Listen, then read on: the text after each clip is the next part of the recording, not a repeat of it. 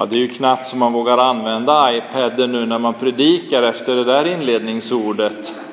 Jag ska försöka att inte läsa så fort utan att ni hinner med och lyssna till Guds ord. Eh, jag tyckte ju själv nu personligen att det var en gammal härlig sång som vi fick sjunga under det att vi tog upp kollekten. Eh, och du som var med på, på Strandbo i söndags för en vecka sedan, eh, du kanske hörde också att Gun-Britt Björk uttalade sig om de här gamla härliga sångerna som är födda av Gud. Alltså det finns någonting i dem som eh, åtminstone killar mig djupt in i själen och bereder ett välbehag. Rubriken för dagens predikan är, som du också har hört och som den här sången som vi nu sjöng slog an tonen för, trons gemenskap. Och jag tänkte jag ska fortsätta lite på det spår som jag hade när vi möttes till gemenskapsdag i slutet av augusti. Och jag har även predikat någon gång efter det och använt samma tema. Att tala om gemenskap, ja det är en stor utmaning där vi befinner oss i tiden, Eh, i det samhälle som vi har runt omkring oss. Därför att det offentliga rummet talar om att det där med tro, det är någonting som vi ska ha i det privata. Tro ska inte få prägla det offentliga rummet. Tron ska man eh, ägna sig åt hemma på sin kammare där ingen annan blir störd eller utmanad utav tron. Eh, att därför, som jag nu har gjort några söndagar och kommer att fortsätta under hösten, att framhålla det här med tron, att det ytterst faktiskt har med andra människor att göra. Att tro handlar om gemenskap. Ja, det blir ju direkt motsägelsefullt till det offentliga rummets syn på andlighet. Samtidigt vet vi ju när vi möter människor att det här med tro, det finns någonstans där bak. Det är inte främmande för människor och församlingen, kyrkan finns någonstans där i bakgrunden. Och det vill jag utmana, det vill jag försöka lyfta fram lite i det här. Och du som var med och lyssnade på undervisningen på gemenskapsdagen, den finns som Gun-Britt också sa i inledningen på hemsidan. Det finns några CD-skivor här. Om du har en CD-spelare så får du gärna låna med dig det bibelstudiet eller den undervisningen. Men det fanns en bärande tanke i det jag sa då, eh, som min församlingssyn också vilar på och som jag tänkte att du ska få bli bekant med under den närmaste tiden. Ehm, det här är också lite av en summering av Bibelns yttersta budskap. Jag sa så här, det finns en livsförvandlande gemenskap med Jesus tillgänglig för alla människor. Och det var så bra, jag såg hur vågen gick här över den församlade menigheten och ni bara jublade av glädje. Åh vad bra, det där sa pastorn verkligen fint. Det finns en livsförvandlande gemenskap tillgänglig för alla människor. Inte bara några få utvalda. Alla har möjlighet att få gå in i den gemenskapen. Och för mig som kristen, som Jesu lärjunge, så är ju det där egentligen en fråga eller ett påstående som ger mig och oss som församling ett existensberättigande. Och räknar vi bort Jesus, det ska vi aldrig göra. Men om vi räknar bort Jesus, eh, som ju är Bibelns största teolog, eh, så näst efter honom kanske Paulus kommer i fråga om att formulera vad den kristna tron handlar om. Och han säger på ett ställe, och jag tycker det är så bra, att han jagar efter att nå målet. Paulus jagar efter att få komma till himlen för han har blivit gripen av Jesus. Och följer man honom sen genom det han skriver, det där står i Filipperbrevet 3 om du vill läsa det. Följer man det han sen skriver i Nya Testamentet så finns det där genomgående hos honom en vilja och en drivkraft efter att som jag har blivit gripen av Jesus Kristus så vill jag också att du och ni och alla ska få gripas av Jesus. Så därför ägnade jag ett långt och härligt bibelstudium åt den tanken förra eh, månaden. Det finns en livsförvandlande gemenskap med Jesus tillgänglig för alla människor. Och idag tar vi ett steg till. Vi vidgar lite på den tanken.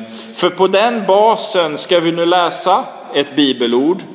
Har du bibeln med dig eh, eller iPaden eller telefonen, det är ju många som har biblar där idag, så kan du slå upp Filimons brev. Det är inte så ofta man predikar över Filimon, eh, och det är ett litet, litet brev, bara ett enda kapitel och det finns faktiskt precis före Hebreerbrevet som är lite större. Så vi slår upp Filemon. Och eftersom det bara är ett kapitel så blir det ju första kapitlet i Filemon efter Titus. Och så läser vi ifrån Filimon det första och enda kapitlet, vers 4 till och med 7. Paulus skriver, jag tackar tackar alltid min Gud när jag nämner dig i mina böner eftersom jag hör om din kärlek och din tro, din tro på Herren Jesus och din kärlek till alla heliga. Min bön är att din gemenskap med oss i tron ska visa sig verksam och ge en klar insikt om allt gott som vi äger tillsammans i Kristus. Din kärlek har varit till stor glädje och tröst för mig eftersom de heliga har blivit styrkta i sina hjärtan. Tack vare dig, min broder.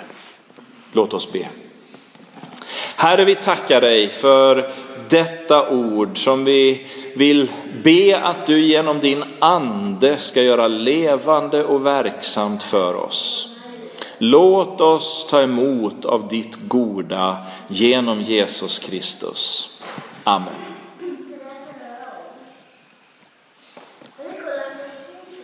Ja, den här texten som jag nu läste satt vi och funderade kring vid bibelstudiet i torsdags. Jag utmanade dem som hade kommit att hjälpa mig med predikan och nu får vi väl se om de reagerar på att de har fått med ett och annat inlägg i den här undervisningen. Vi, eh, det finns, tror jag, något papper kvar där inne för det, det blev lite extra papper tryckta. Eh, vi jämförde lite olika bibelöversättningar.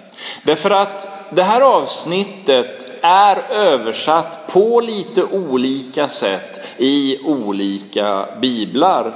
Eh, och jag försökte att lyfta fram några saker som är en utmaning för översättarna. Eh, men alla var ju inte med då, så vi gör en liten djupdykning i texten och ser vad det har att säga. Och de två första verserna som vi läste, eh, de är inte så svåra egentligen. De får vi ganska snabbt och ganska enkelt rätsida på. Paulus uttrycker glädje, han uttrycker tacksamhet till Gud över positiva rapporter om Filimon. Och han nämner särskilt två saker som återkommer när han ber för Filimon. Det är hans kärlek och det är hans tro. Först nämns de vid namn och sen förtydligar han vad de innebär. Vi läste, jag tackar alltid min Gud när jag nämner dig i mina böner eftersom jag hör om din kärlek och tro. Din tro på Herren Jesus och din kärlek till alla heliga. Ja, så börjar han. Och det är inte så knepigt egentligen. Det intressanta kommer sen. Och därför så går vi direkt vidare. För Paulus fördjupar tanken om tron och kärleken i följande vers. Han skriver, min bön är att din gemenskap med oss i tron, din gemenskap med oss i tron. Ja, det första eh, det berör just det här som jag tog upp i inledningen och som är församlingens stora utmaning idag, att tala om trons gemenskap. Jag hade en lärare på teologiska högskolan. Han uttryckte sig så här och jag tyckte det var så fantastiskt bra. Eh, så det där har jag burit med mig, eh, det är bra många år nu, för jag är gammal. Eh, han sa så här, tro är sociologi. Ja, det lät ju lite eh, invecklat och avancerat, men det är inte egentligen så knepigt eh, på något vis. Utan det där uttrycker ju precis det som det här handlar om. Att tro har med gemenskap att göra. Du kan inte sitta och tro för dig själv. Så funkar inte den kristna tron. Den blir verkningslös om du sitter ensam och tror. För att tron ska fungera så behövs en grupp människor. Tro är gemenskap. Och det där har jag burit med mig under alla år. Och vad jag menar i det här när vi nu lever i en tid som så starkt betonar den privata tron, där den högsta, högsta trosbekännelsen är var och en blir salig på sin tro.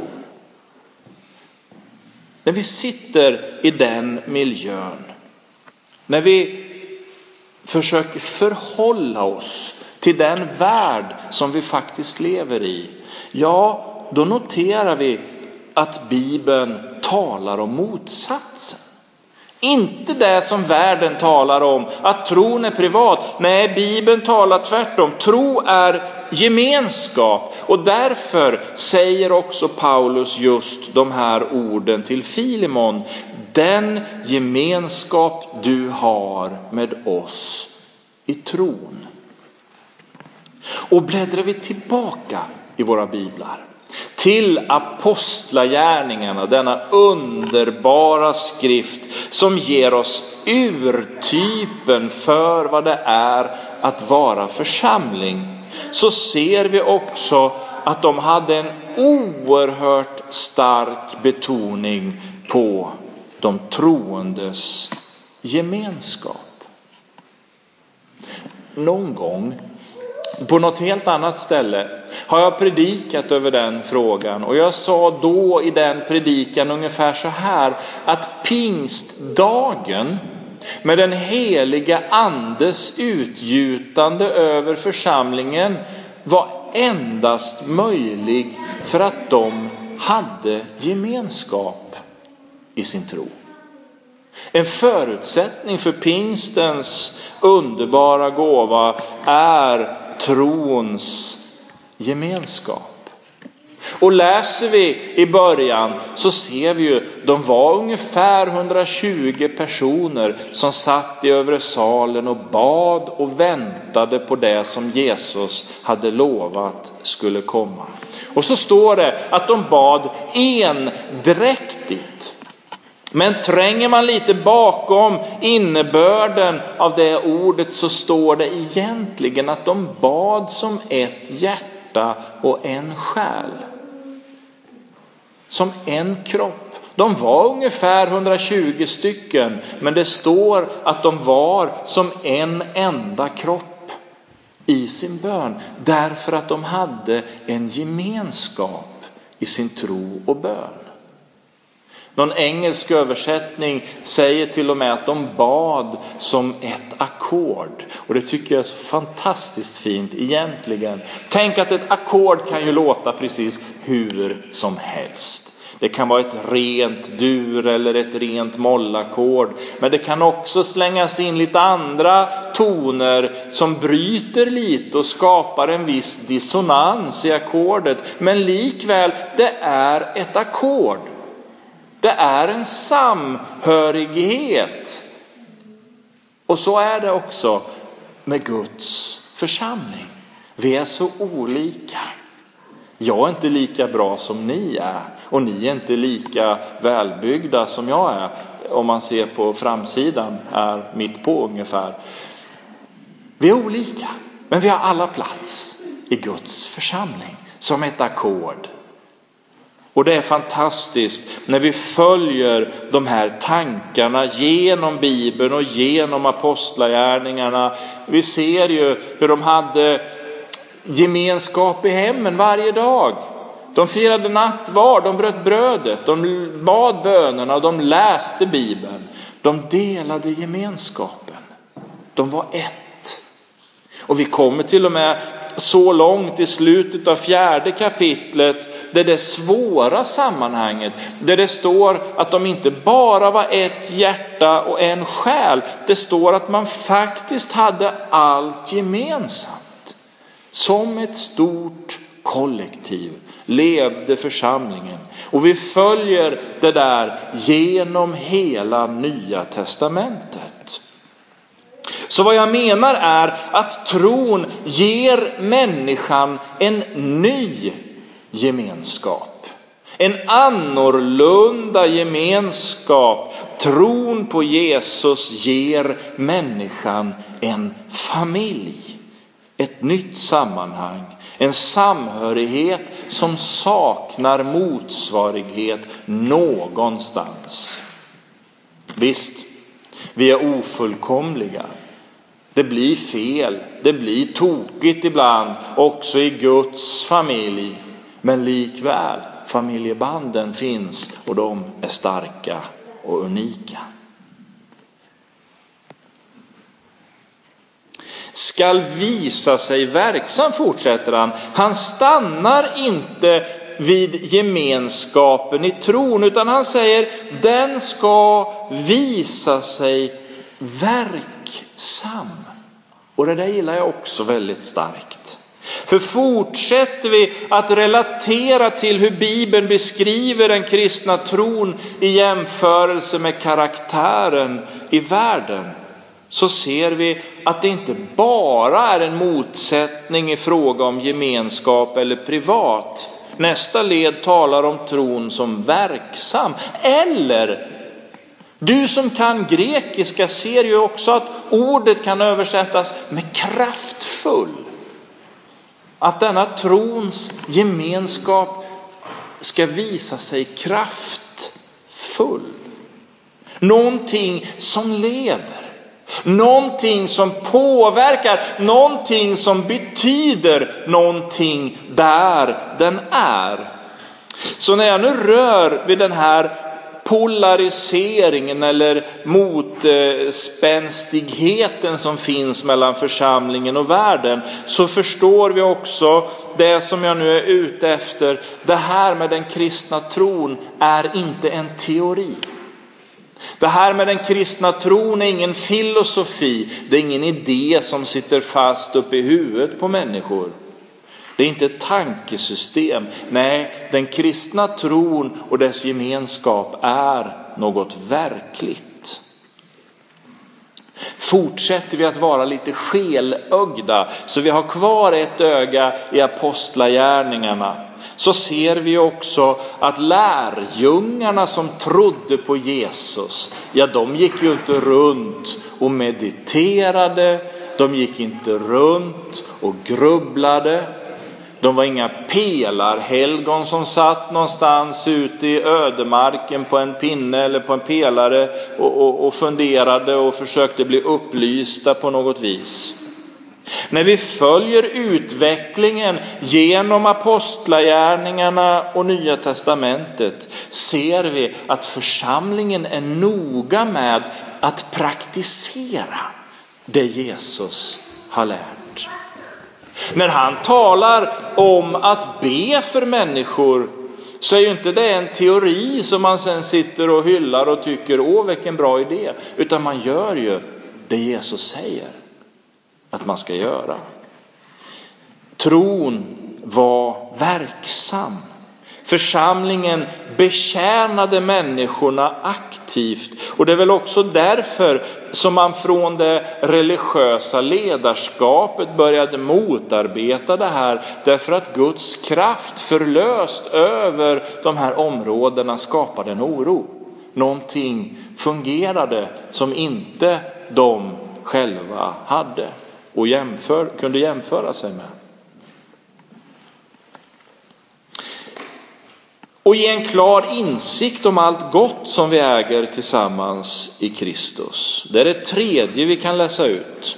Det vill säga ett, trons gemenskap. Två, den är verksam. Och tre, det mynnar ut i en klar insikt om allt gott som vi äger tillsammans i Kristus.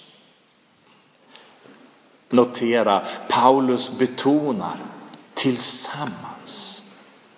Det är inte speciella människor, pastorer, diakoner, äldstebröder eller någonting som har någon särskild position, eh, att de liksom får del av det här. Utan tillsammans allihopa äger vi det som Herren vill ge. Han säger inte du, han säger inte jag, han talar om vi, han talar om oss, allt gott vi äger tillsammans i Kristus. Visst är det fantastiskt? Gud gör liksom inte skillnad på om en del skulle vara lite mer andligt mogna så har de större äganderätt till det. Alla äger vi tillsammans lika mycket av det goda. Det är lätt att också frestas och förledas att sätta blicken på fel saker ibland. Om du skulle följa med mig på en resa till Paris så skulle vi givetvis börja med att se en match med PSG och Zlatan. Eh, givetvis är det liksom viktigast i Paris. Men sen åker vi till Louvren och så går vi på museum och så tittar vi på tavlor och vi måste ju titta på den vackra Mona Lisa-tavlan. Visst är det da Vinci som har målat henne?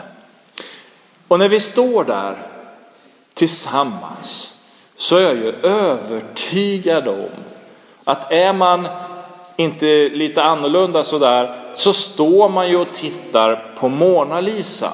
Det är ju ingen som står och beskådar och hyllar den vackra ramen runt motivet och bilden.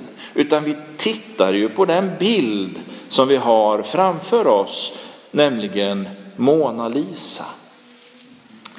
Men jag känner ibland så dras våra ögon ut mot kanterna och vi börjar fokusera på och titta på det där som är det man skulle kunna kalla för ramarna. Även när det gäller det kristna livet. Omedvetet börjar vi bli mer och mer upptagna av de yttre formerna istället för kärnan och motivet. Man hör ibland att det verkar som, jag säger inte att det är, men det verkar som att man ibland har en större tilltro till aktiviteter, till metoder, kanske till musikstilar som ofta debatteras, eller gudstjänstformer, istället för att man sätter Jesus i centrum och tittar på Jesus och lyssnar till vad har Jesus att säga oss? Vi behöver formerna. Vi behöver ramen. Den kan många gånger lyfta fram motivet. Men likväl är det motivet som är det viktiga. Och vad jag menar är att vi utifrån det Paulus talar om behöver få en klar insikt i vad vi äger i Jesus. Våra, våra motiv behöver vara rätt för att det ska utverka det som Gud har bestämt det till. Nu finns det oerhört mycket mer att säga om det här. Men jag ska inte dra ut på det här idag utan jag ska försöka eh, hålla en någorlunda kort predikan idag. Tjoho, var det någon som tänkte. Eh, jag sa det.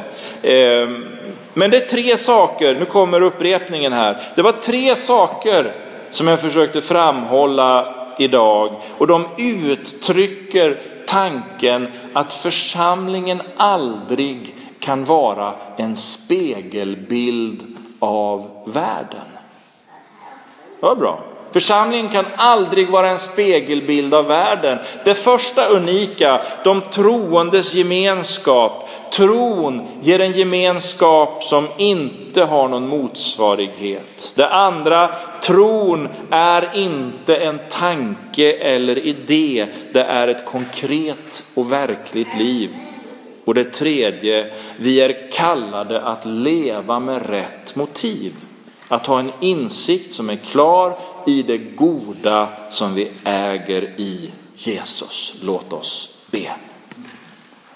Herre, vi tackar dig för att du har inrättat allt så fulländat och perfekt i ditt rike.